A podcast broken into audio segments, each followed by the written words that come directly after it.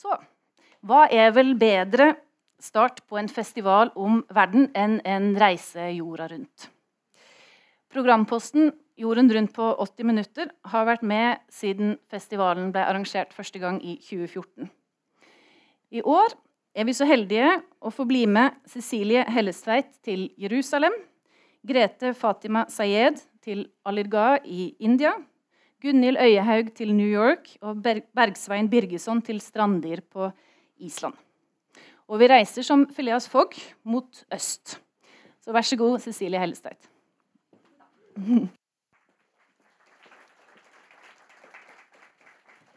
Hjertelig takk for invitasjon. Da kan alle høre. Eh, nå skal vi til Jerusalem. Og det er fantastisk for meg å få lov til å presentere denne byen som jeg ville ha valgt ut i verden hvis jeg kunne velge meg ut én by. Nei, det ville ikke blitt Bergen. Det ville blitt Jerusalem. Jeg har bodd i mange byer i verden, også i Jerusalem flere ganger. Og dette er byen over alle byer for meg. Det har kanskje sammenheng med førsteinntrykket, det berømte førsteinntrykket som aldri slipper taket. Jeg kom til Jerusalem første gang sommeren 1994, to uker før Yasir Arafat kom tilbake igjen til Palestina. Og Da var det fantastisk å komme til Jerusalem, som var en by i fred. Og det var fantastisk å være nordmann i Palestina og Israel på den tiden. Så jeg har blitt preget av det første inntrykket mitt fra 1994, som egentlig aldri har sluppet taket, til tross for det som vi skal til dels snakke litt om her i dag. Jerusalem is the most illustrious of cities. Still, she has some disadvantages. Thus, it is reported Jerusalem is a golden goblet full of scorpions, sa Mohaddasi. Og som dere ser på dette bildet, så er det et fantastisk lys i Jerusalem. Det kalles også for lysets by, Jerusalem ligger på ca. 800 meter over havet, og det er et veldig svalt og godt klima i sommermånedene. Uh, it has no need for the sun, neither of the moon, to shine in it, for the glory of God did light it. Og det er eh, spesielt i Jerusalem fordi noen av den energien som man finner i gudshus rundt om i verden, i kirker eller templer eller synagoger eller moskeer, det finner man på en måte i Jerusalem, i selve byen. Og Noen perioder så er det sterkere enn andre. Og det er også en by som nettopp har en egen psykiatrisk diagnose oppkalt etter seg, Jerusalem-syndromet. Det er, det er et utbredt fenomen. Og det består i at turister eller journalister eller troende eller helt alminnelige studenter som meg selv kommer til Jerusalem og får et, får et syn og får et inntrykk av at de er det nye Messias. Eller Jesus. Og Dette kan vi le av, men dette finnes det mange mennesker som er rammet av i Jerusalem. Jeg har sett øh, mange tilfeller selv. Uh, jeg tror de sier at ukentlig rammes noen av Jerusalem-syndromet. Og Det har med lyset å gjøre, det har med energien å gjøre. Og så har det selvfølgelig med forventningene om Jerusalem. Men det er et, uh, en by med fantastisk lys, og det vet også de som bor i Jerusalem, å utnytte. Det er veldig levende kulturliv i Jerusalem. Og Man har en festival som heter City of Light, hvor man lyser opp hele byen, hele gamlebyen med forskjellige lysbildespektakler, som er fantastiske. Og hvor dansere danser på de gamle murene rundt gamlebyen i Jerusalem. Jerusalem betyr jo fredens by. And the view of Jerusalem is the history of the world. It is more. It's the history of heaven and earth. Og det er altså tre av de store verdensreligionene som har Jerusalem som en hellig by. På arabisk heter Jerusalem el-Quds eller el-Muqaddese, som betyr den hellige. Og det er altså over tre milliarder mennesker som bekjenner seg til en av de religionene som har Jerusalem som en hellig by. Og det er jo vi nærmer oss 7 milliarder, eller vi er forbi, men det er allikevel en god andel av verdens befolkning som på en eller annen måte er knyttet til Jerusalem. For jødene så er det Davids by. Davids sønn Salomon etablerte det første tempelet. Og vestmuren av det andre tempelet er det som står her i dag, som er klagemuren. Og jødene tror at da, når Jerusalems tempel er gjenoppbygget, så skal Messias komme tilbake. For de kristne så er Jerusalem Jesus' by, Jesus' dødsby. Byen der Jesus fikk det siste måltid, og der han steg opp til himmelen som Guds sønn. Og For muslimene så er også Jerusalem den tredje helligste byen etter Mekka og Medina. Og Det var denne byen Mohammed dro til i sin nattlige reise sammen med engelen Gabriel før han steg opp på sin hvite hest og eh, reiste opp til Allah. Så Dette er altså en by som har en veldig tung og viktig betydning. Og som dere ser, her oppe ligger El Aqsa-moskeen, og her nede ligger da restene av det forrige tempelet. Alle moskeer i verden de har et hull i taket. Og Det hullet det symboliserer at tempelet er ikke gjenbygd enda. Og når tempelet blir gjenoppbygget i Jerusalem, så skal man tette det hullet i taket. For da kommer Messias tilbake. Jerusalem er en smeltedigel. Det er en by hvor verdensdeler møtes. Det er en orientalsk kultur som møter en oksidentalsk kultur, en vestlig kultur, som kom inn særlig med askenasijøder fra Europa i, på begynnelsen av 1900-tallet og deretter etter den andre verdenskrig. Det er sefardijøder fra veldig mange land i, altså i muslimske land som i stor grad dro eller ble tvunget ut fra sine land etter opprettelsen av Israel. Det kommer folk fra Afrika, afrikanske jøder. Det er palestinere. Det er mange som kommer dit av religiøse grunner, og det er mange som kommer dit for å tjene penger. Så dette er en by hvor det er et yrende kulturliv. Det er også en by hvor det sekulære møter det religiøse. Og Da jeg kom til Jerusalem i 1994, så var det sekulære livet i Jerusalem tydelig. Nå er det ikke så tydelig lenger, fordi de religiøse bevegelsene, de religiøse organisasjonene og mennesker som har en veldig innbitt religiøs agenda, tar over stadig flere områder av Jerusalem. Jeg bodde i, i gamlebyen i Jerusalem i 2005. Da hadde jeg tilbrakt noen, noen måneder på Hebrew University, som er det hebraiske universitetet i Jerusalem, som ligger i okkupert Øst-Jerusalem. Og hadde jeg bodd hos palestinere i Øst-Jerusalem i noen måneder. Men så flyttet jeg inn til en gammel jøde, Avram, på 70 år. Langt skjegg, langt hvitt hår. Kunstner. Født i gamlebyen i, i det jødiske kvartalet. Og han hadde hver fredag brødbryting i sin bakgård i gamlebyen like ved siden av klagemuren. Men det fikk han ikke lenger lov til. Dette hadde hans familie praktisert der i flere hundre år. antageligvis. Det fikk han ikke lenger lov til, fordi de jødene som hadde flyttet inn og tatt over kvartalene rundt, det var stort sett amerikanske jøder. De var kommet med en helt annen bokstavtro tolkning av jødedommen. Og De mente at på fredagen så skal man ikke ha lys. Man skal ikke gjøre noen ting som forstyrrer det som er vår bokstavtro-tolkning. Så hvis du ikke har bakt det brødet, så får du ikke lov å bake det etter mørkets frembrudd. Du får ikke lov til å tenne de lysene. Du får ikke lov til å spille lav musikk. Dere får ikke lov til å synge slike verslige sanger. Så Da satt vi da i denne bakgården som en sånn protest og hadde tradisjonell sabbat hver fredag kveld. Det var en kamp. Men det er fortsatt en smeltedigel mellom det orientalske og det, orient og det mer europeiske. Det er mange fantastiske bokkafeer og bokhandlere i Øst-Jerusalem og i Vest-Jerusalem og i gamlebyen. Og de er helt ulike. De har helt ulikt utvalg, og du kan få forskjellige versjoner av verdenshistorien hos fantastiske bokhandlere i forskjellige deler av byen. Og så har du mange steder hvor du kan ta med deg disse bøkene og sette deg ned og lese. Og så kan du dra på i, i, en tidsmaskin. Du kan dra på en tidsreise til Measherim, som ligger utenfor gamlebyen, hvor det er som å komme til Polen på 1930-tallet.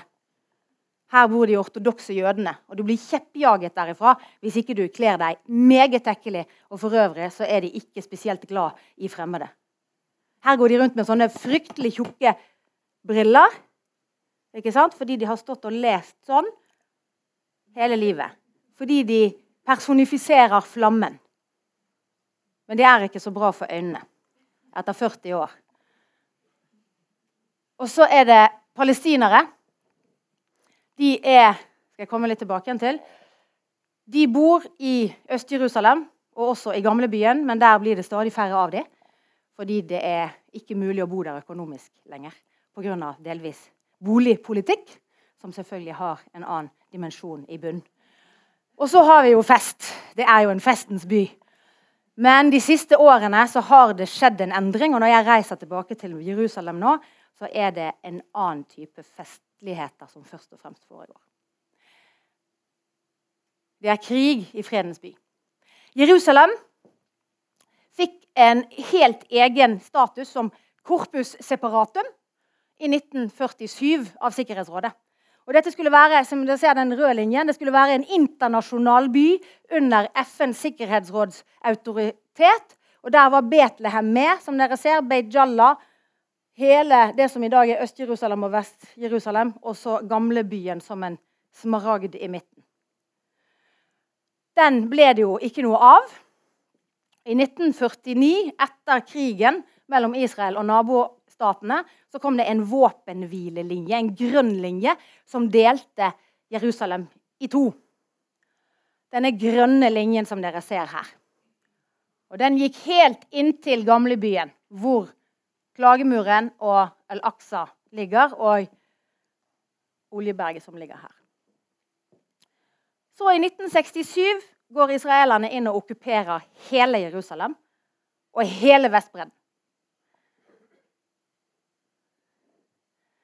I 1980 så kommer Jerusalem-loven, som er et forsøk fra israelske myndigheter og Knesset til å egentlig annektere hele eh, byen og gjøre den til israelsk land. Og Denne blå linjen her, det er da de nye kommunelinjene rundt Jerusalem. Jerusalem er samlet og udelelig, og det er hovedstad i Israel. Da sa Sikkerhetsrådet nei, det er den ikke.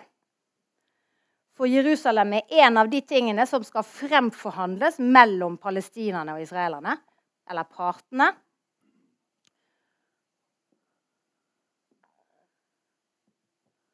Som på det tidspunktet der var litt uklart hvem var. Fordi i 1949, da den grønne linjen var, så var det israelerne som sto her. Og så var det Jordan som okkuperte østlige deler av Jerusalem. Så kom israelerne inn og tok over hele byen. Og da sa israelerne at men Jordan var jo en okkupasjonsmakt akkurat på samme måte som oss. Så hvem er det i så fall vi skal forhandle med? Så Det som har vært en av verdenssamfunnets oppgaver, har vært å finne en forhandler til israelerne. som de kan forhandle med. Obama gav en julepresang til palestinske kristne, og for øvrig en avskjedspresang Eh, på lille julaften i fjor, da han gjentok, da han ikke la ned veto mot FN-resolusjonen som kom om Israel-Palestina på lille julaften. Og da ble det gjentatt at dette er utgangspunktet.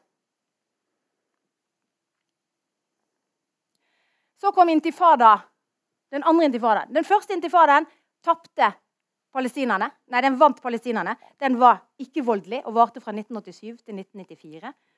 Da Oslo-avtalen kom inn. Den andre intifadaen startet i 2000. Og Den startet da Ariel Sharon, den gamle israelske hauk, gikk på muren ved siden av El Aqsa-moskeen og fremprovoserte massive reaksjoner. Fordi man er redde for at Israel skal begynne å ta over tempelhøyden. Etter at Aksa-intifadaen startet, den var bevæpnet fra palestinerne sin side. og De brukte selvmordsbomber i stor grad så ble det bygget en mur. Og den muren går her, som dere ser. Den går langt ute i Øst-Jerusalem. Inn på et settlement, og så går den forbi. Og Det er jo den mørke siden til Jerusalem. En fantastisk by med en veldig mørk side. For i disse fantastiske gamle gatene i gamlebyen så foregår det også annet, en annen kamp. Og det er kampen til palestinerne, som har veldig begrenset tilgang til Jerusalem. Folk som er født og oppvokst der, de får ikke vende tilbake hvis de har blitt kastet ut, eller hvis de ikke har ID-papirer. Og en lov fra 2004 som ble startet i 2004, sier at palestinere i Jerusalem som bryter loven, de kan utvises fra Jerusalem på livstid med hele sin familie.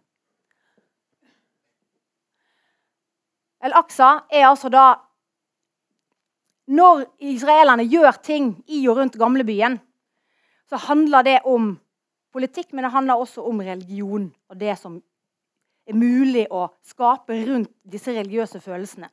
Fordi alle muslimske land frykter det som begynte i 1967. For da Israel fikk kontroll over hele gamlebyen, så var det mange jøder rundt om i verden, særlig kanskje i USA, men også i andre miljø, som tenkte nå skal Messias komme. Nå har Israel fått kontroll over tempelhøyden. Nå skal tempelet bygges. Og dermed begynte folk å nybygge, begynte man med nybygger bevegelser på Vestbredden i Judea og Samaria, for nå var det bare snakk om kort tid før tempelet atter blir bygget. Og Det gjorde at araberlandene rundt, muslimske land, ble veldig bekymret for at det var det som var i ferd med å skje. Så hver gang israelerne forandrer på en liten ting i området rundt tempelhøyden, så blir det opprør. I muslimske land og blant palestinerne. Fordi man frykter at israelerne sin plan er nettopp det. Å få ett udelelig Jerusalem, hvor det kun bor først og fremst jøder, og hvor andre har mye mindre beskyttelse. Hva er problemet med Trump-administrasjonen? Han har gjort noe som ingen andre har gjort. Han har sagt vi vil flytte den amerikanske ambassaden fra Tel Aviv til Jerusalem. Hva betyr det? Jo, det betyr at han i realiteten anerkjenner den israelske loven fra 1980 om at Jerusalem skal være en udelelig jødisk israelsk hovedstad. Og Mange frykter at det vil være begynnelsen på en bevegelse hvor man tar helt over gamlebyen, og hvor man begynner å bygge det nye tempelet.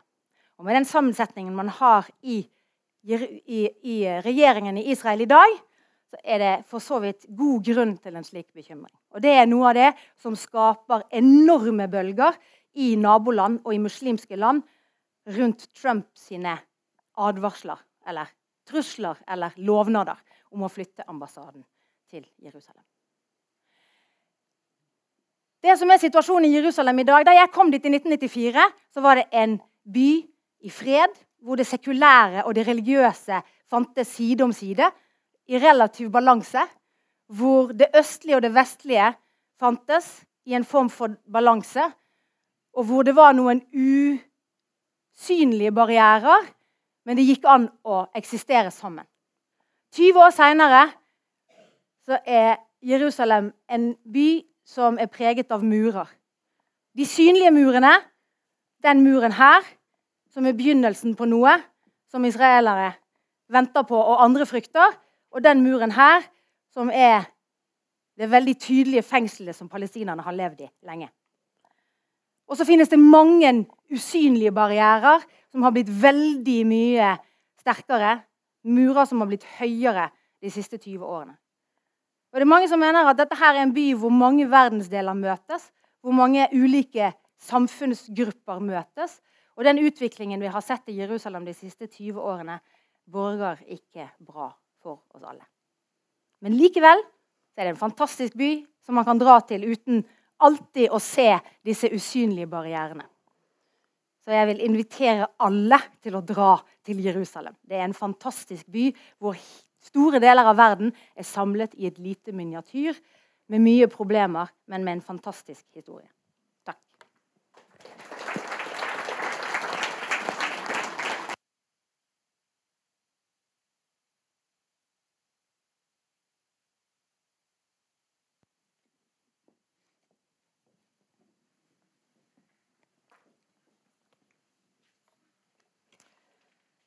Tusen takk til deg, Cecilie. Er det lyd? Ja. hadde jeg ikke hatt lyst til å reise til Jerusalem før, så fikk jeg det nå, i hvert fall nå. Men jeg hadde det fra før av, så kanskje det kan bli en gang. Jeg er invitert her for å snakke om en by som jeg har et nært og spesielt forhold til. Eh, og den byen heter Aligar. Aligar er en by som ligger i Uttar Pradesh-provinsen nord i India. Den ligger 145 km sør-øst for New Delhi og ca. 90 km nordvest for Agra. Så den ligger så å si midt imellom disse to byene som er ganske kjente. Eh, New Delhi er jo f.eks. Eh, destinasjon for en hel rekke reiser man kan foreta herfra, med noen eh, reiseselskap som f.eks. heter Per Gynt. Jeg har likt meg veldig godt når jeg har sett på reiser til New Delhi. Da tenker jeg Erobreren. Så er det et selskap som heter Escape, der den som ønsker å rømme, kan uh, booke seg inn. Og så er det en som heter Paradisreiser, som drømmeren kan få sin reise bestilt gjennom. Uh, mens Agra, da, denne andre byen, er sete for Taj Mahal, som jeg er sikker på at mm, de fleste av dere får nå opp et indre bilde av. Dette fantastiske mausoleumet som, eh, som er et av verdens syv nye underverk et av de syv gamle fra antikken, som for det meste lå i Hellas. Men Aligar er derimot ikke spesielt kjent for noe som helst. Eh, bortsett fra for meg, kanskje. òg. det er fordi at min far ble født der. Eh, men han tok meg aldri med til Aligar. Min far tok meg strengt tatt aldri med så veldig mange steder utenom kjente steder for de fleste av dere, som eh, Byfjellene og eh, England, Tyskland, Nord-Holland og Legoland. Så det er ikke så eksotisk som Aligar. Og Lenge var derfor Aligar ikke kjent for meg som noe som helst. Det var bare et navn. En sånn samling av passelig eksotiske lyder eh, med et litt problematisk skriftbilde, for jeg visste aldri hvor den H-en skulle være. Nå forsvant kartet, men der er altså en H som eh, skulle et sted og ikke et annet sted. Og Det er litt sånn besværlig, litt som navnet mitt, der jeg har en H i Grete, som det alltid blir et issue om skal være der eller ikke. Og som, eh, som etternavnet mitt, som bare fire bokstaver, Sayed, men som det kan staves på et uendelig antall måter. For ikke å snakke om uttale. Som jeg nå, når jeg har forberedt dette innlegget, var inne og fikk en um, lydfil på uh, uttalen av Aliga. For jeg har sagt Aligar, og så har jeg noen gang sagt Aligar, og så har jeg vært litt usikker. Uh, så viste det seg Dere kan jo gjøre det sjøl hvis dere vil, men dessverre så var begge disse uttalene feil. For da når jeg trykket på Wikipedia, så kom det opp en distinkt og utrolig indisk stemme med denne her svungen, krøll på konsonantene og litt sånn annerledes luft på vokalene, som uttalte eh, navnet på denne byen på en helt tredje måte. Men det skal ikke jeg engang forsøke på, fordi at eh, jeg er fra Ytre Sandviken, så jeg sier det sånn som det, vi gjør det der. Aligar. Men eh, for eh, ca. 25 år siden så var jeg ute i et bestemt ærend i en annen by, som jeg også har et nært og spesielt forhold til. Og den byen heter Bergen. Men jeg var i en del av byen som jeg aldri hadde vært, som var litt sånn mørk og fremmed og ukjent. Det var eh, litt truende rykter om vandalisme og vold. Det var høyblokker der. Måtte gjennom noen tunneler. Vi var ute i eh, Bergen vest. Eh, vi hadde nemlig bestilt eh, helt sikkert via et trygt medium en, en annonse der. Encyklopedia Britannica. Som var jo et gedigent oppslagsverk i langt over 30 bind. Um, der er vel ti bind i Mikropedia og 15 25 eh, i Makropedia, og så er det registerbind, statistikkbind eh, osv. Så, så der kjørte vi ut til denne ukjente delen, som var like for meg fremmed og eksotisk som basaren i Kairo eller sukken i Addis Abeba eller slummen i Mexico City eller Jerusalem for den del. Eh, og når vi hadde fått det i hus, så satt det jo sånn litt på måfå og bladde, sånn som mange sikkert har gjort. Um, slo opp liksom Pascal her og Jeanne d'Arc der og eh, Tolstoy f.eks. Og så kom jeg på, omtrent som vi gjør av og til i dag, at nei, nå skal jeg google meg sjøl litt. Så jeg tenkte jeg må slå opp på Sayed og se hva det, det, kan være for noen mennesker. Og da ble jeg ført, merkelig nok for meg overraskende, direkte til denne byen, Aligar. For der eh, var det veldig mange av de som hadde samme navnet som meg, som hadde en tilknytning. Så eh, det, da det ser på en eller annen måte ut som at jeg ble ført tilbake der. Eh, men eh, nå skal dere få litt fakta om denne byen, Aligar.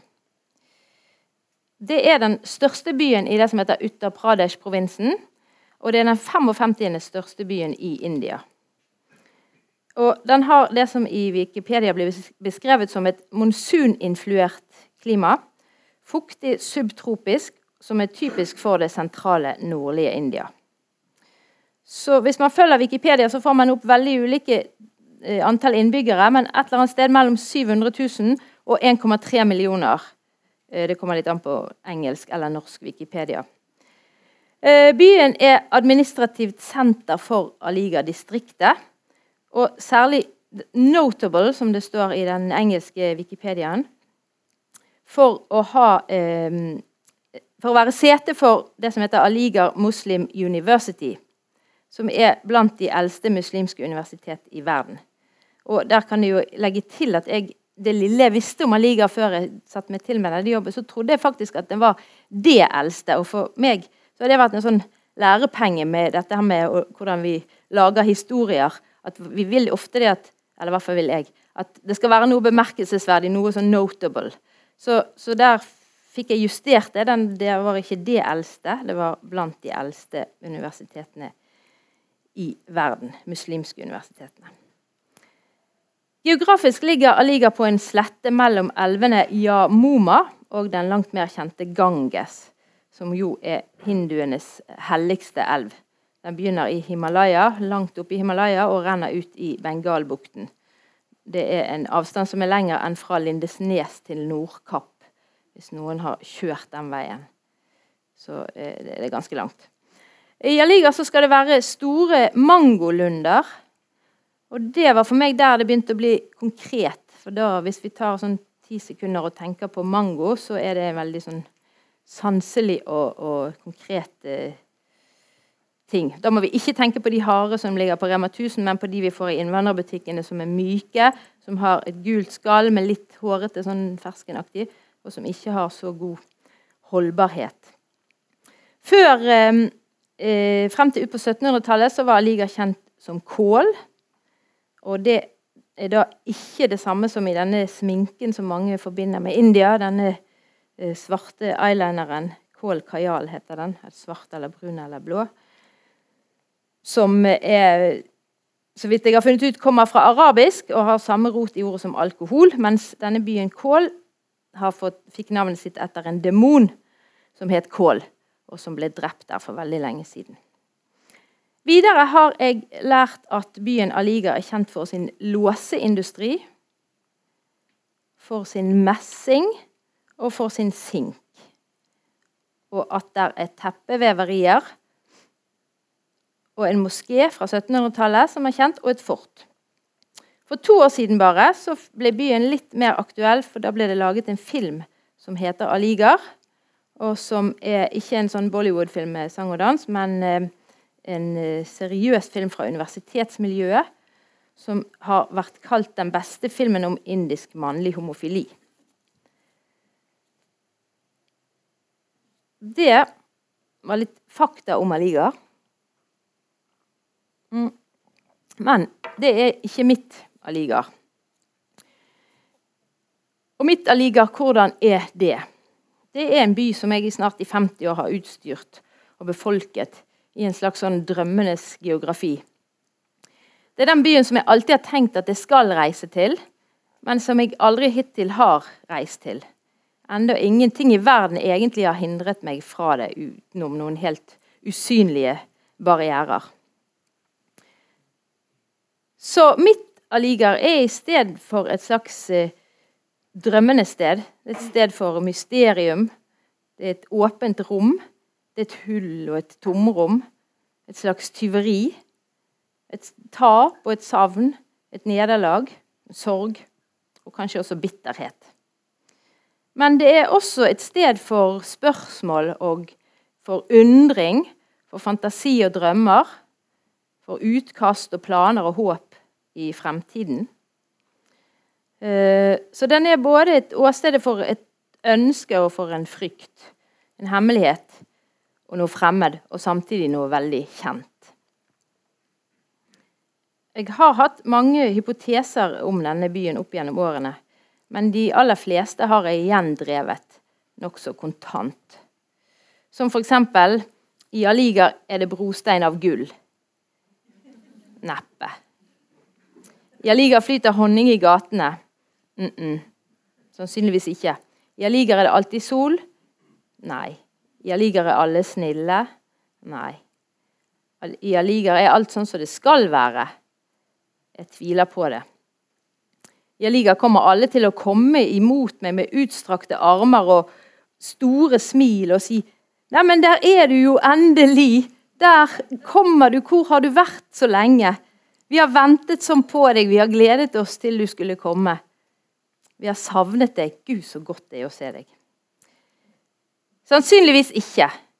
Vite det kan man jo aldri, men eh, sannsynligheten er ikke særlig stor. Sannsynligheten er heller stor for at ikke det fins et eneste svar å finne. Sannsynligheten er derfor stor for at Aliga faktisk kommer til å være akkurat som her. Helt fullstendig likedan som Bergen. 10 000 identisk. En fullstendig blåkopi av her. Er det et sted å få svar på alle spørsmål? Nei. Er det et sted der uroen får ro? Nei. Er det et sted der ensomheten blir møtt? Kanskje tvert imot. Er det et sted der alt faller på plass? Jeg tviler på det, men kanskje. Så jeg tenker at Aliga er et slags bankende rødt og vått hjerte. Men så tenker jeg en gang til, og så tenker jeg nei, det er jo jeg som er det bankende røde, våte hjertet som ligger der på fortauet når du stiger ut av taxien. Enten det er i Aligar eller i en hvilken som helst annen by i verden, f.eks. Bergen. Så utenfor vinduene her fins det én by. Den heter Bergen. Den heter Aligar, f.eks. Kanskje fins det ingen by, at det bare fins én by, og den er her. At geografien er en drøm. At ikke det går an å reise. At ikke du kommer deg av flekken uansett. At det kanskje er som i en myte om den flygende hollender. Om den stakkars kapteinen som ror og ror i en halv båt, og som er dømt til å ro og ro til evig tid uten noen gang å komme frem. Som det som i en roman av Aksel Sandemose som heter 'Klabautamannen', Eh, en annen reisende som hadde reist over havet, om han enn bare reiste fra Danmark, og verken fra India eller Syria eller noe annet sted. Men reiste gjorde han likevel med denne erfaringen av eh, å være fremmed og være i eksil og ha et håp. En, nybegynnelse, kanskje. De siste eh, ordene i denne boken, 'Klabautamannen', er nemlig sitat Alltid skal skipperen møte seg selv, og aldri få runde horn. Så sånn går det også an å ha det. Aldri, alltid seile og aldri komme frem. Og være fremmed hjemme. Jeg vet jo ikke om det er en, en rar erfaring. Eh, jeg tror at det er en rar erfaring, men jeg tror samtidig at det er helt, helt, helt vanlig. Eh, for hva er vanligere enn det uvanlige? enn det rare og skakke og skeive og det som ikke helt passer inn. De vanligste folk har de mest uvanlige historier, tror jeg. Alle liv er veldig uvanlige hvis du ser litt nærmere på dem. Eh, selv da min far som reiste over halve kloden og satte seg til ro i et fremmed hus i en fremmed by, så tror jeg det var bortimot det vanligste han noen gang kunne ha funnet på å gjøre. Å ta skrittet inn i noe helt fremmed. Åpne døren til en ny dag og stige inn i den. Akkurat sånn som du stiger ut av taxien, selv om motlyset er sterkt, og du ikke aner hvor du skal. Så eh, kanskje kommer jeg til å reise til Aligar. Kanskje i år, kanskje neste år, kanskje ikke i det hele tatt. Kanskje kan jeg bli invitert her en gang for å snakke om en by som jeg da har et forhold til, og kan servere en helt annen historie. Og kanskje ikke. Men til dere som har hørt på meg, så vil jeg si takk for det. Og så vil jeg gjerne si god tur.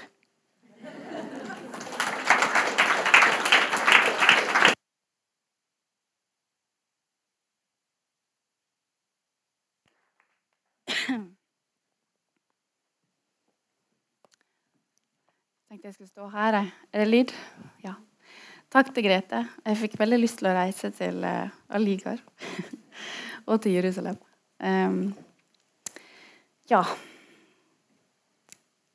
I 2010 satt jeg på flyet til New York for aller første gang. Det kjentes litt som om noen hadde tatt en bitte liten mosegrodd gråstein som lå trygt i et elvefar på Nordvestlandet, og kaster denne steinen opp mot den lyseblå himmelen i et optimistisk og enormt langt kast. Hva føler du nå? kunne vi ha sagt, og stukket en mikrofon bortåt steinen, og steinen ville ha svart. En blanding av oppstemt og svært nervøs. Denne steinen som altså var meg, som alltid blir nervøs av å reise, som kan bli nervøs bare av å prøve å finne ut av hvordan komme seg til Fyllingsdalen med buss, hadde nå tatt fly i seks timer på vei mot en stad mye større enn Fyllingsdalen. Og jeg var oppstemt fordi jeg trass alt, langt inni denne steinheita, gledde meg til å oppleve denne myteomspunne, magiske, glitrende, lokkende metropolen som jeg hadde sett Annie Hall vandre rundt i, i slips og hatt. Som jeg hadde sett folk i talløse TV-serier skritte ut i, med dress ut i gata og med en kaffe i pappbeger og handa opp for å praie en gul taxi eller undergrunnsscener der folk fra Australia kledde i dongeribukser, cowboyhatt og naken overkropp under en skinnvest med et smykke av krokodilletenner rundt halsen, gikk på toppen av hovedet som sto og venta på T-banen fordi han selvsagt måtte komme bort til the love of his life.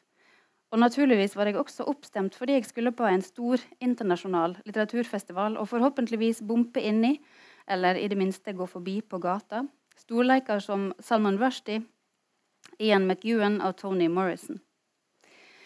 Men det var akkurat dette med å gå på gata som var selve hovedproblemet. Retningssans er nemlig ikke min sterke side. Kanskje kan vi si det slik at det er ei side jeg ikke har. Når en skriver, er ikke dette noe problem.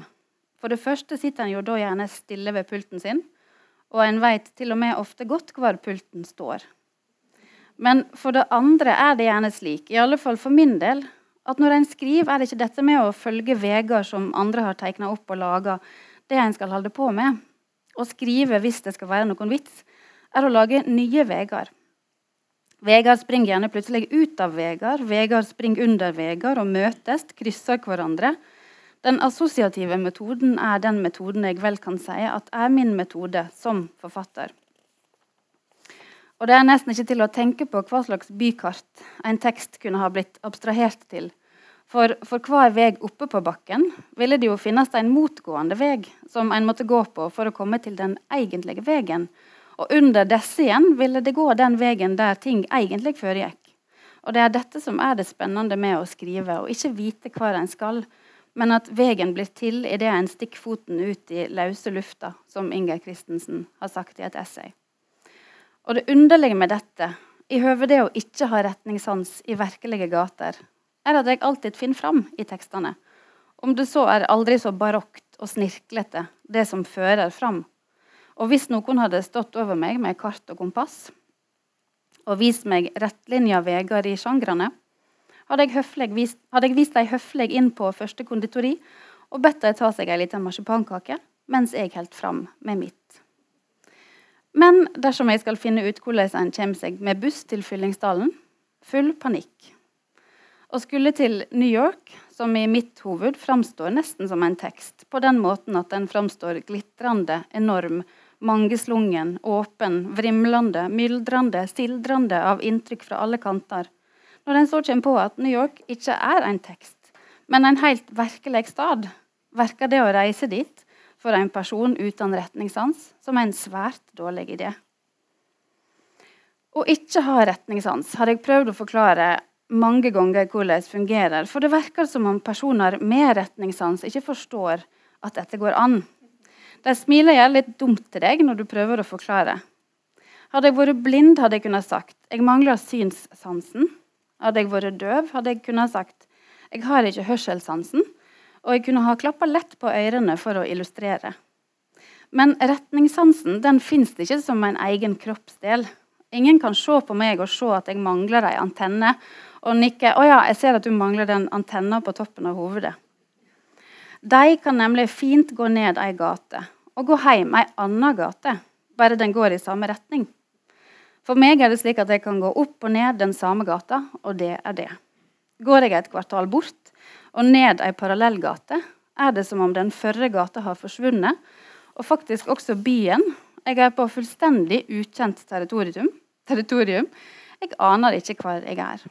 For å gi et konkret eksempel slik hadde jeg det i mange år med Karl Johan og sidegata til Karl Johan, som heter Grensen, i alle fall i en del kvartal. Jeg kunne gå opp og ned Karl Johan med største letthet og finne fram enten til Flytoget eller til forlaget. Men prøvde jeg å gå sidegata, fikk jeg panikk, forsto ikke hva som var opp og ned, og jeg måtte ofte gå tilbake til Karl Johan bare for å sjekke at jeg faktisk fremdeles var i Oslo. Da jeg flytta til Bergen og sto midt på Torgallmenningen med et kart i handa, kunne jeg i alle fall de første dagene være usikker på om Bryggen lå i retning Sjøfartsmonumentet eller i retning Lille Lungårdsvann. Dette høres ubegripelig ut for mennesker med retningssans. For dem er retninga noe som er stabilt, solid, noe de alltid kan stole på. Nord er nord, Sør er sør, vest er vest, og øst er alltid øst. For en person uten retningssans høres dette ut som det største visvas. For oss er sør, øst og vest alltid nord. Og nord er ofte den veien nesen min peker. Ingenting i kroppen min går med på noe som helst annet. Dermed blir det umulig å bruke himmelretningene som rettesnor når jeg skal prøve å finne ut hvor jeg er, eller prøve å finne tilbake til der jeg kom ifra. For der jeg kom ifra, forandra seg umiddelbart da jeg forlette. Og Nå satt jeg altså på flyet til New York og tenkte på alle stedene jeg kunne gå meg vill.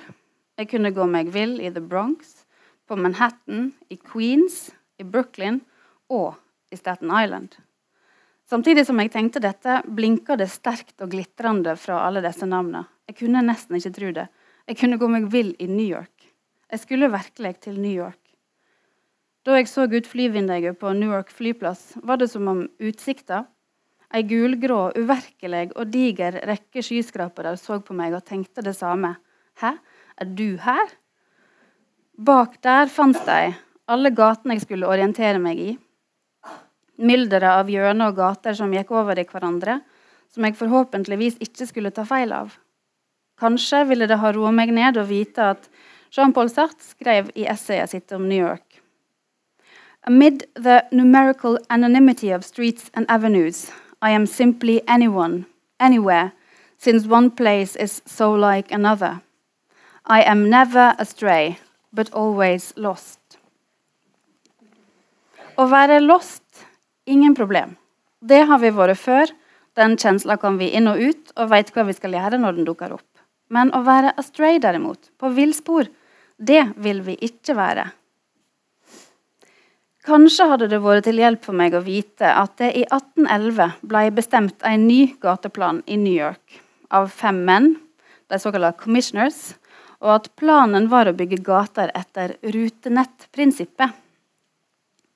De delte altså byen inn på langs og på tvers i strekninga nord-sør, som jeg gjerne kan omdøpe til opp og ned, gikk de store, brede avenyene, elleve stykker. På tvers av disse, fra øst til vest, gikk gatene, nummererte fra 1 til 225. Rutenettprinsippet for inndeling av gater finner en historisk i flere kulturer. All denne informasjonen her fra Wikipedia. En finner det f.eks. i byen Harappa i Nord-Pakistan, som ble grunnlagt 2600 år før Kristus. En finner rutenettet i det antikke Hellas, og en finner det i Romerriket. Pompeii var f.eks. strukturert slik. Men det hjelpte ikke de som mente at gatelandskapet måtte følge det naturlige landskapet. Eller som savna prinsippet om irregulære, pittoreske gamle gater i europeiske storbyer. Kritikken mot rutenettet var at dette ville bli for rigid, skape monotoni, nett slik Sartre skildrer det. Og Hvis de på dette tidspunktet hadde kunnet sett inn i framtida og sett at den største metaforen nytta på New York, eller en av de største, var smeltedigelen. Fordi New York er kjent som en multikulturell by der alle lever side om side, kunne de, kritikerne av det rettlinja rutenettet, ha sagt. Det rigide rutenettet speiler ikke akkurat smeltedigelaspektet ved byen. Men de kunne ha lagt til. Men for personer helt uten retningssans blir dette naturligvis til stor hjelp enda de sjølve har proklamert seg som motstandere av alt rettlinja, og heller foretrekker fri assosiasjon som metode.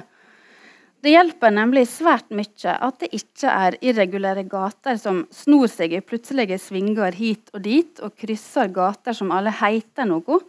Her er det bare å lage seg en koordinat og telle. Det de også kunne ha lagt til, var Og så må personen som skal finne fram, huske noe svært enkelt nemlig om hun skal til høyre eller venstre når hun kommer ut av bygningen hun nettopp har vært inne og lese opp i. Hvis hun går feil vei, er det nemlig slik i New York at en kan komme seg ganske langt av sted før en oppdager at en ikke kjenner seg igjen og har gått feil vei. Og Da vil vedkommende få panikk og føle seg både lost og astray. Pass endelig på at hun har drukket et glass champagne før hun snur hovedet i feil retning og velger feil vei. Dette vil hjelpe når hun plutselig finner ut at hun må være på feil plass. Fordi denne gata som skulle ta henne rett tilbake til hotellet, plutselig er mørk og helt stille, med masse parkerte biler og skumle kafeer det sitter skumle folk i. Og når hun ser en fyr med hettegenser gå med noe som likner et våpen skjult under hettegenseren sin, men som selvsagt også kan være ei litt spiss bok, vil hun få litt mindre panikk hvis dette champagneglasset altså er på plass innabords. Når hun kommer til enden av denne gata og inn i en ny aveny, som på ingen måte skulle være der, etter at hun ble fulgt til døra av Frode Grytten, som veit hvor dårlig retningssans hun har, og som heldigvis for henne er på samme festival, sammen med Thomas Espedal og Kjersti Annesdatter Skomsvold, som nå alle sammen sitter og venter på henne, etter at hun skal være ferdig med å lese opp og bare skulle gå ut av døra, ta til venstre og komme seg tilbake til hotellet på fem minutter. Frode sto til og med ved utgangen og peka ned rett retning. Når hun altså kommer seg inn på denne avenyen og spør to kvinner om hvor hun er, og om de vet hvordan hun kommer seg til hotellet, og de forklarer gå ned denne avenyen, ta tredje gate til venstre, og så er du der. Og hun spør kan jeg ikke bare gå samme gata tilbake. Fordi i hennes hoved virker det jo tryggere og mer logisk. Sier de med skrekk i blikket. Nei, ikke gå tilbake den gata. Gå her. Da vil dette champagneglasset også ha en positiv, dempende effekt på kjensla av å ha gått gjennom og overlevd ei veldig skummel, potensielt dødsfarlig gate i New York. Det vil kanskje ikke ha noen effekt lenger når hun et år senere leser om seg sjøl i Thomas Espedals 'Bergeners'. Vi siterer. Vi traff, vi traff Frode og Gunhild, som også var på litteraturfestival i New York. Frode er virkelig en kosmopolitt. Han virker hjemme alle steder hvor han er. Han vet hvordan man skal sitte, og når man skal reise seg og gå. Han vet hvordan man skal snakke, og hvordan man skal tie. Gunhild har ingen retningssans og vet aldri hvor hun er. Det er sjarmerende helt til man må vente på henne, fordi hun egenrådig og trassig har gått langt og feil, langt og lenge i feil retning. Sitat slutt. Vel, det vi kan si om dette, er at egenrådig og trassig er helt galne adjektiv. Livredd og heldigvis lett av champagne ville ha vært mer passende. Det kan være til hjelp å vite at det kan virke sjarmerende, men i all sanning er det upraktisk og livshemmende å ikke ha retningssans. Men hadde jeg vært uten manglende retningssans, ville jeg ha gått glipp av både dødsfarlige nyanser av New York og drepende karakteristikker. Takk og lov likevel for levende, insisterende veivisere og for rutenettet fra 1811, som i sitt vesen er så ulikt den stemninga som er i New York, som jeg ikke klarer å skildre for de som ikke har vært der, men som er alt annet enn rettlinja og koordinataktig. Den er små kafeer som dukker overraskende opp rundt et hjørne, eller digre, glatte butikkvinduer med glitrende påskrifter som Dior og klokkebutikker som er så eksklusive at det ser ut som om en må søke med diamantpapir for å komme inn. Den uendelig vakre Central Park, den grønne lunga med alle benkene som er slik en har sett på film, og den er fullmånen over Hudson River, og skrikende mennesker med protestplakater, helt for seg sjøl i gata. Avenyene som noen er så breie at de kunne ha vært fotballbaner, og som gir ei menneskeskapt naturoppleving der bygningene strekker seg mot himmelen, men plutselig gir et luftig, stort rom som strekker seg mot tilsynelatende uendelig både nordover og sørover. Times Square likner på en helt vanlig formiddag et litt blinkende sirkus i dagslys. Bokhandlene på Union Square likner dryppsteinsgrotter, der det som dryper, er mennesker, og det som er helt stille, er hyller på hyller med bøker å gå på The High Line, som er toglinja som går over bakken, som er gjort om til en rettlinja, smal park tvers gjennom byen, er som å vandre i verdens beste høytflygende idé, og den er varm og grønn. New York er akkurat så vrimlende og mangfoldig som en kanskje har trodd den skulle være. Kanskje kan det likne det kunstverket som Virginia Woolf skildrer i To the Lighthouse. Beautiful and bright it should be on the surface, feathery and evanescent, one color melting into another, like the colors on a butterfly's wings. But beneath the fabric must be clamped together with bolts of iron. Og det er det New York er for meg. Et sjeldent lykkelig møte mellom det som er rettlinja, og det som vrimler i alle retninger. New York, fridomsgudinnebyen. Nå krysser vi fingrene. Måtte ingen gå astray, og måtte alle finne fram. Takk for meg. Oh, er det powerpointen på, eller?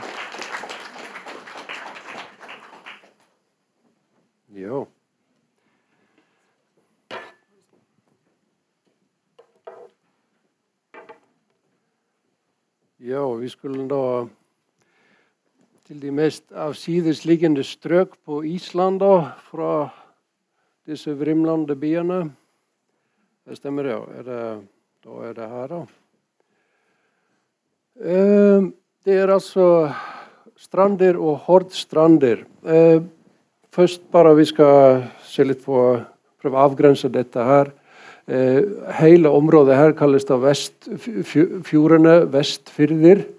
Og eh, vi snakker om dette området her, som ligger da på eh, nakken av anden eller fuglen, hvis man vil se Island slik.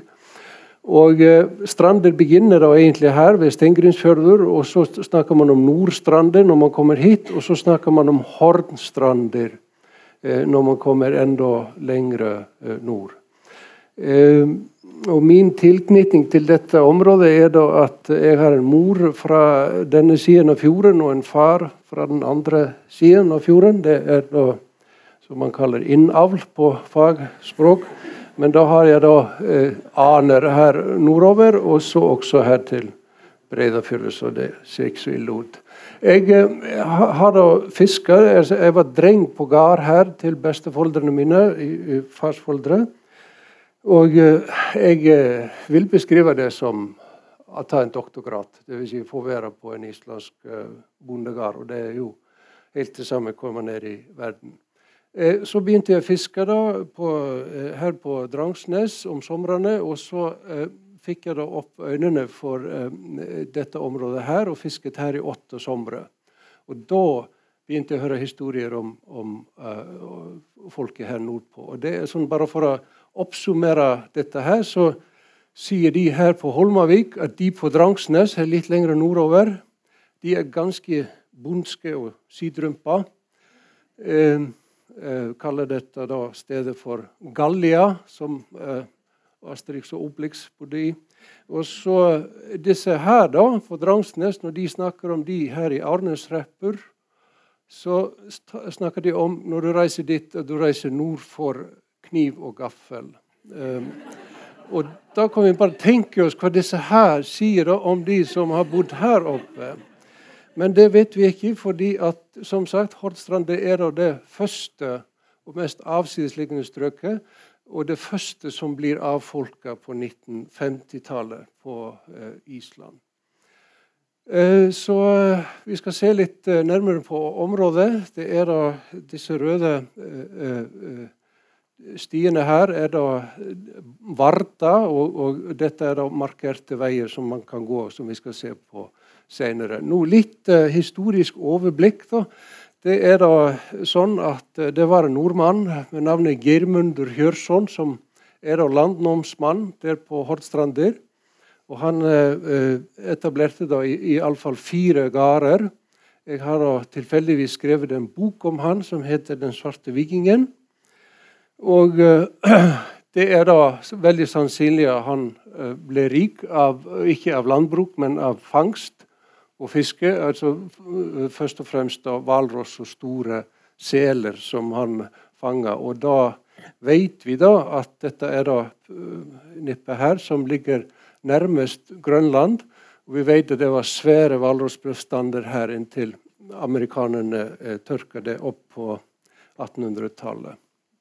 Eh, dette forklarer også eh, et annet dyr som vi skal se litt eh, på seinere. som kommer dit. Nå, Færre vet kanskje at det var faktisk akkurat 1000 år senere som nordmenn kom opp dit igjen. Denne gangen for å tørke opp storhvalen vår.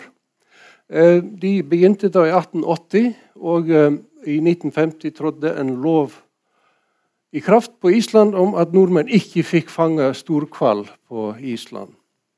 Da var all storhval uansett oppfanget, og de var reist til Sør-Afrika eller noe sted.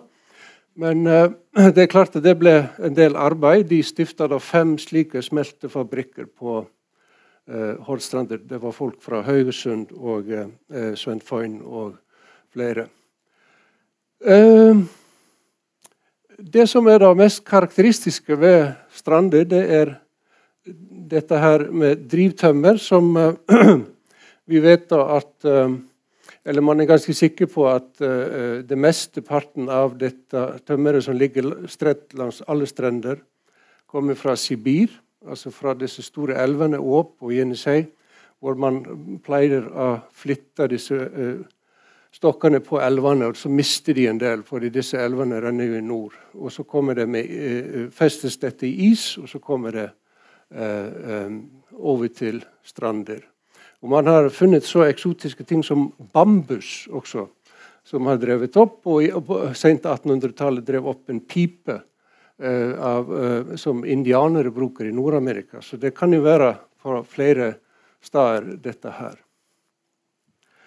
Nå, det var eh, da eh, det store Uh, industrien, eller Hvis man skal snakke om industri, så var det haifangst. Altså dette er det dere kaller H-skjæring. Og uh, Dette var da veldig viktig på uh, 1700- og 1800-tallet. Man uh, spiste ikke dette dyret, men den, den, er jo full av lever, som man da smelta til olje i store gryter. Og det ble alt solgt til Danmark. Og København ble da belyst med slik olje. Og, og det andre var da at man må faktisk ha sånn olje for å lage krutt. Så krigføring og opplysning av København og Danmark det er kommet fra uh, Strander, delvis. Um, og uh, her ser vi da disse båtene som de hadde for å fange. Dette er da haifangstskipet Ofegur, som eh, var i bruk i 40 år. Eh, man kan også spise dette her. Islendingene fant en metode for å spise det. Man vet ikke når. Og det, da, det er veldig giftig da, å spise den rett sånn, uansett hvor lenge man koker den.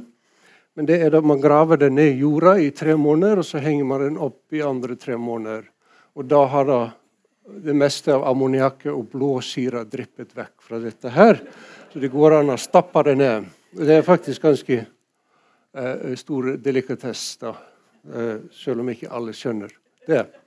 Eh, og dette er da området hvor her på Gjøgur så var det opptil 15 skip, og de hadde da ti mann i besetning i, eh, i over et århundre. Så dette, var, dette er da Gjøgur. Dette var da en stor industri i, i, på denne målestokken. Nå, ellers er det da sånn at når vi drar lenger nordover, så er det da eh, Eh, det typiske måten å overleve det er å være fiskerbonde. Vil si vi ser da Gården er jo liten, og det er veldig lite flatmark her. Det er ikke mulig å ha mer enn ei eller to kyr og 5-15 sauer. Så smått er det på disse eh, gårdene. Og så var det dette som var det store redningen. Det er veldig godt med fisk og også eh, sel som man fanger i garn. Eh, der på eh, Strander og Hortstrander. Nå, Vi har da første, første mennene som reiser dit, 1750. Eh, de skriver en reiseskildring. Og så er det en annen. Det var en antropolog og geolog, Thorvaldur Thoroddsen. En ganske klok og god mann som reiste dit 1886 eh, og 1887, de to somrene da. Og Siden vi har så liten tid her, så skal vi bare se på kapitteloverskriftene i uh, uh, denne reiseboka hans. Og da, Det første det sies her, da, er at beboerne ble redde og løp vekk. Dvs. Si, når de så fremmede folk komme til gården, så løp de vekk det forteller litt om det, det, var ikke sånn på alle gårdene, men det forteller litt om isolasjonen i, i, i disse uh, strøkene.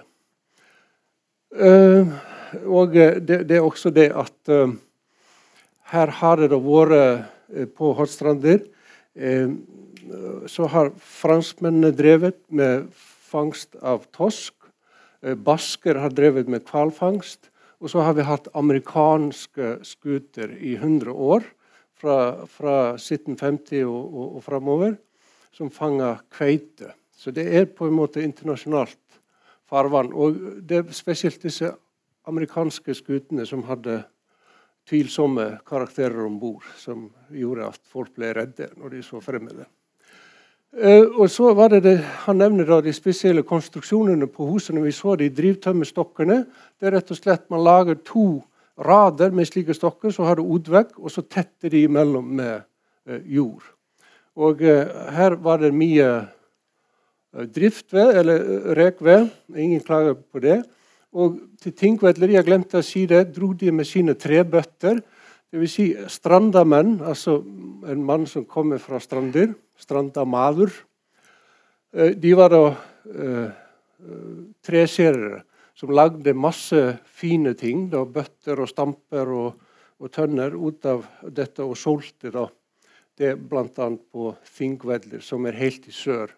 Så vi ser da at uh, på Island at um, det var ikke bare administrativt eller politisk Thingvellir, det var også folk kom fra hele landet og solgte tingene sine. Nå, Hesten ramla ned og for fire ring i luften. Eh, dette forteller litt om hvor transporten er vanskelig der. Det er ingen veier, nesten.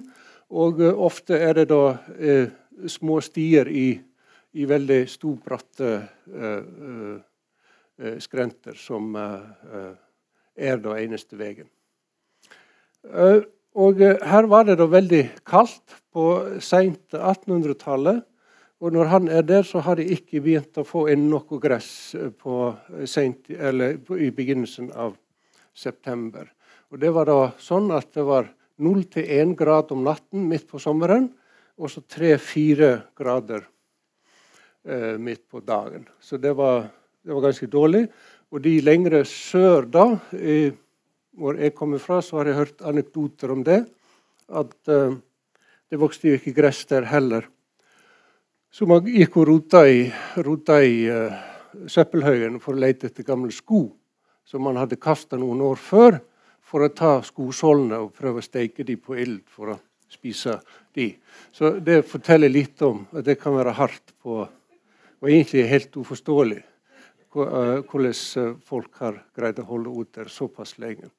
Nå, av disse grunner er det da svært få hester, selvsagt. Og det kommer aldri noen post. Og eh, det er ikke fordi at folket det var noe sånn eh, upopulært eller ikke hadde venner. Det var rett og slett ingen postmann som orka å, å reise eh, alle disse veiene. Nå, eh, det samme kommer da fram i dette her. Ikke lett å gå til kirke. De fleste da, eh, går da til kirke en gang i året. og Det var da høysommeren, når det var mulig å reise. Eh, det som, er, det som er morsomt her, er å se at uh, han merker seg at alle yngre folk han møter, de kan lese og skrive. Og det er ganske interessant. Uh, fordi at det var ofte Han sa han ser at det er to-tre bøker kanskje folk har på gardene, men alle hadde lest de bøkene. Og her er, her er det ingen entertainment, selvsagt, å forstyrre. Så man hadde jo ikke noe annet å drive med i, i vintermørket enn å lære å lese og skrive. og lese og skrive. Alle steder jeg kom til, ble jeg vist den største gjestfrihet og hjelpsomhet, sier han. Nå, Jeg plukker bare ut en Horten-strending, altså hort, mann fra Hortstrander, Hortstrendingur. Denne her het Hjalmar Jonsson, og han bodde forskjellige plasser eh, på Hortstrandir, Rappfjærdareiri, som vi så bilde av og til slutt bodde han i Smedjevik, som sies å være det verst utstyrte småbruket på Island som har vært i drift noensinne. Eh, og eh, det som er så fantastisk med han, han lar ikke dette stoppe seg. Han var en ivrig eh, leser og boksamler, og samlet også manuskripter. Og han hadde bygget et hus da, Eh, eh, et slags bibliotek da, som dessverre brant ned eh, i 1909. Men om han ble det da skrevet av en samtidig, Hattgrimer Jonsson. Han sa da Hjalmar hadde store såge kunnskap, var stadig skrivende og en god båtbygger. Han bygget en båt for fire. Si mennesker inni et snøhus med verktøy som han hadde, han hadde laget sjøl. Han svømte naken i sjøen uansett vær, og dette gjorde han hver eneste dag. Uh, uh, og Det som er kanskje mest interessant med dette her, og, uh, som forteller litt om hvor barske forhold dette er, det er det når folk var så Eh, tok, tok, det valget å dø midt på vinteren. da. Og Det er jo da svært problematisk å få de frakta til kirke under de forholdene. For man kan ikke sette ut en båt midt på vinteren. Det er rett og slett livsfarlig. Og uh, det er jo ikke mulig å grave ned. Det er jo alt frossent. Og dette, uh, her tok jeg bare et eksempel om transport av lik fra gården Drangar, hvor da Gudmund, gamle bonden der, døde i januar 1910. Og eh, De måtte vente da seks uker inntil de fikk båten ut på havet. Men de kom seg ikke hele veien til kirken, som er her, eh, fordi at eh, det begynte å blåse opp og dannes is på båten. Så de måtte opp i Munnanes. Og da fikk de da lånt en slede her. Men de måtte vente to uker for å komme seg over heien her, fordi det var så dårlig vær. Eh, og, eh, og så kom de til Nordefjordur. Dette var da en snøvinter 1910. Og det er sånn at man måtte grave seg ut av husene. Og eh, når de kom til Nordefjordgarden, så var det 18 trapper som du måtte gå ned. 18 snøtrapper før du kom til gården. Ja? Så det forteller litt. Og så måtte de vente da fire uker her for å komme siste stikket. Det var da seks karer som holdt på med dette i sammenlagt eh, tolv uh, uker for å få frakta denne her til kirke. Nå, uh, jeg vil nevne her, Det var ikke alle som valgte denne veien. Det er ikke alltid, som, det er ikke alltid heller som man kunne få tak i folk for å frakte lik. Og det var da brødrene som var her i Bålungavik, litt her. Eh, faren deres døde da Dette skjedde da i 1941. Og dette er det siste eh, eksempelet om slik lagring av folk. Altså, De kunne da ikke ha han inne i et skur, et vanlig skur, fordi det var så mye mus denne vinteren. Og de kunne ikke grave ned i snøskavl heller, fordi det var veldig mye rev, og er veldig mye rev der. Og han ville ha spist, da, gamle mannen.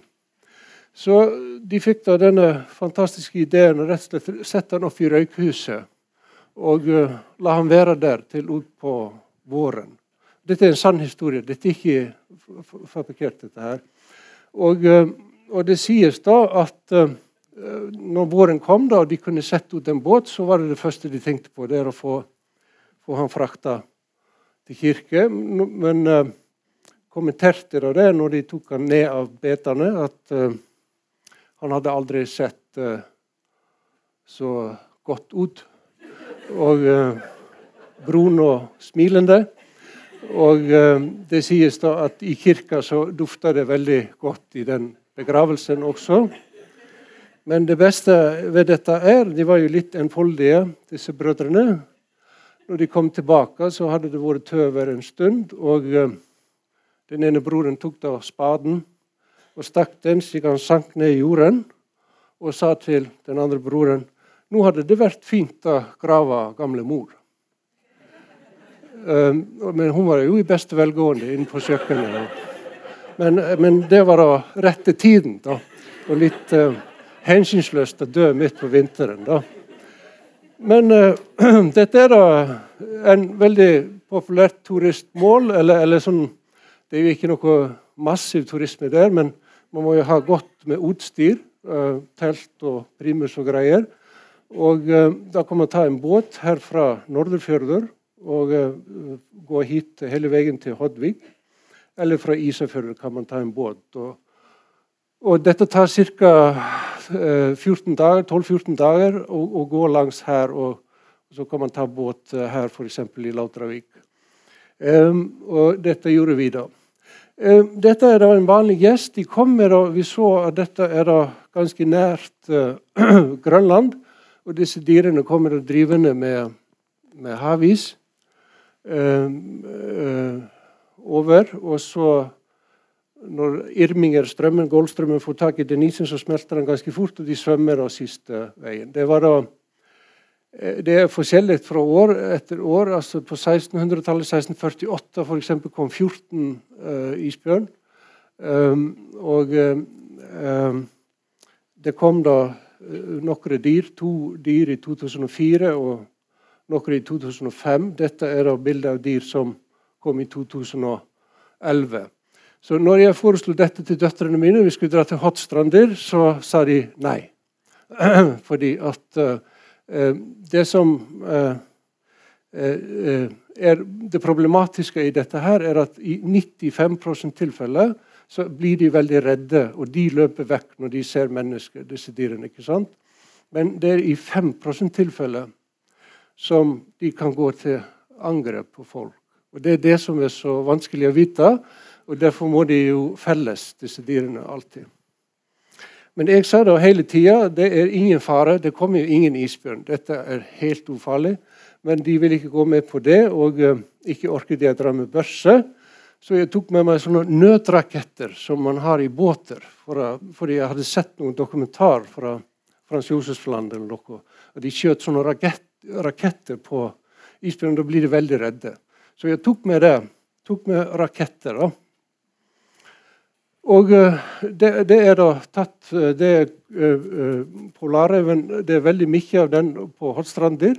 Dette er kun to-tre meter fra. De er ikke redde mennesker i det hele tatt, fordi at de har vært fredet der alltid.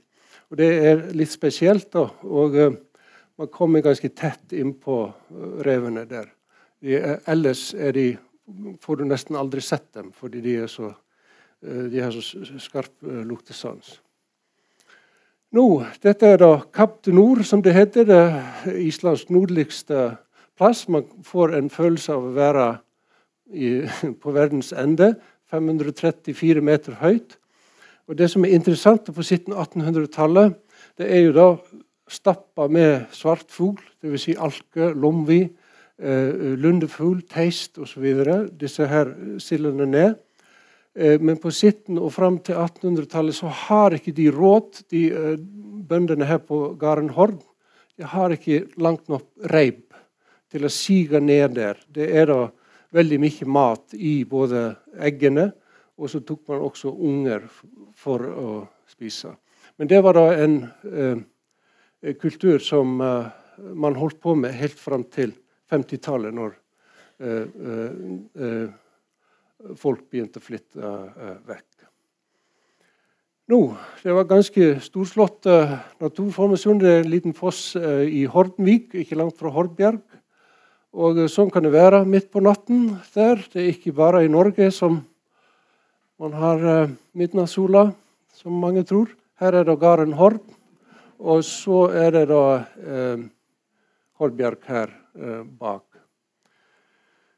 Eh, disse her naturformasjonene, Nå er ikke jeg geolog, men dette kalles da berggangur på islandsk. Berggang. altså det, Slik jeg har forstått dette, her, så er det en, linere, eh, en linere bergart her imellom. Og eh, det er sjøen som har vaska den vekk, og så står disse, denne harde kjernen igjen. Dette er ganske Eh, vanlige eh, naturformasjoner på strander, eh, disse her. Og vi hadde da vært der i noen dager og gått rundt omkring. Og her er det da et fyr som er bemannet midt på sommeren for uh, turister. Og uh, når vi kom dit, da, for, veie, for, for, reisen vår endte der, så kom han fyrvokteren til oss og sa Det første han sa for Vi hadde jo ikke hørt uh, radio, det er ikke noe kontakt der. Og ikke heller mobildekning der i området. Et fantastisk sted, med andre ord. Men uh, det første han sa når han så oss, 'Har dere hørt om isbjørnen?'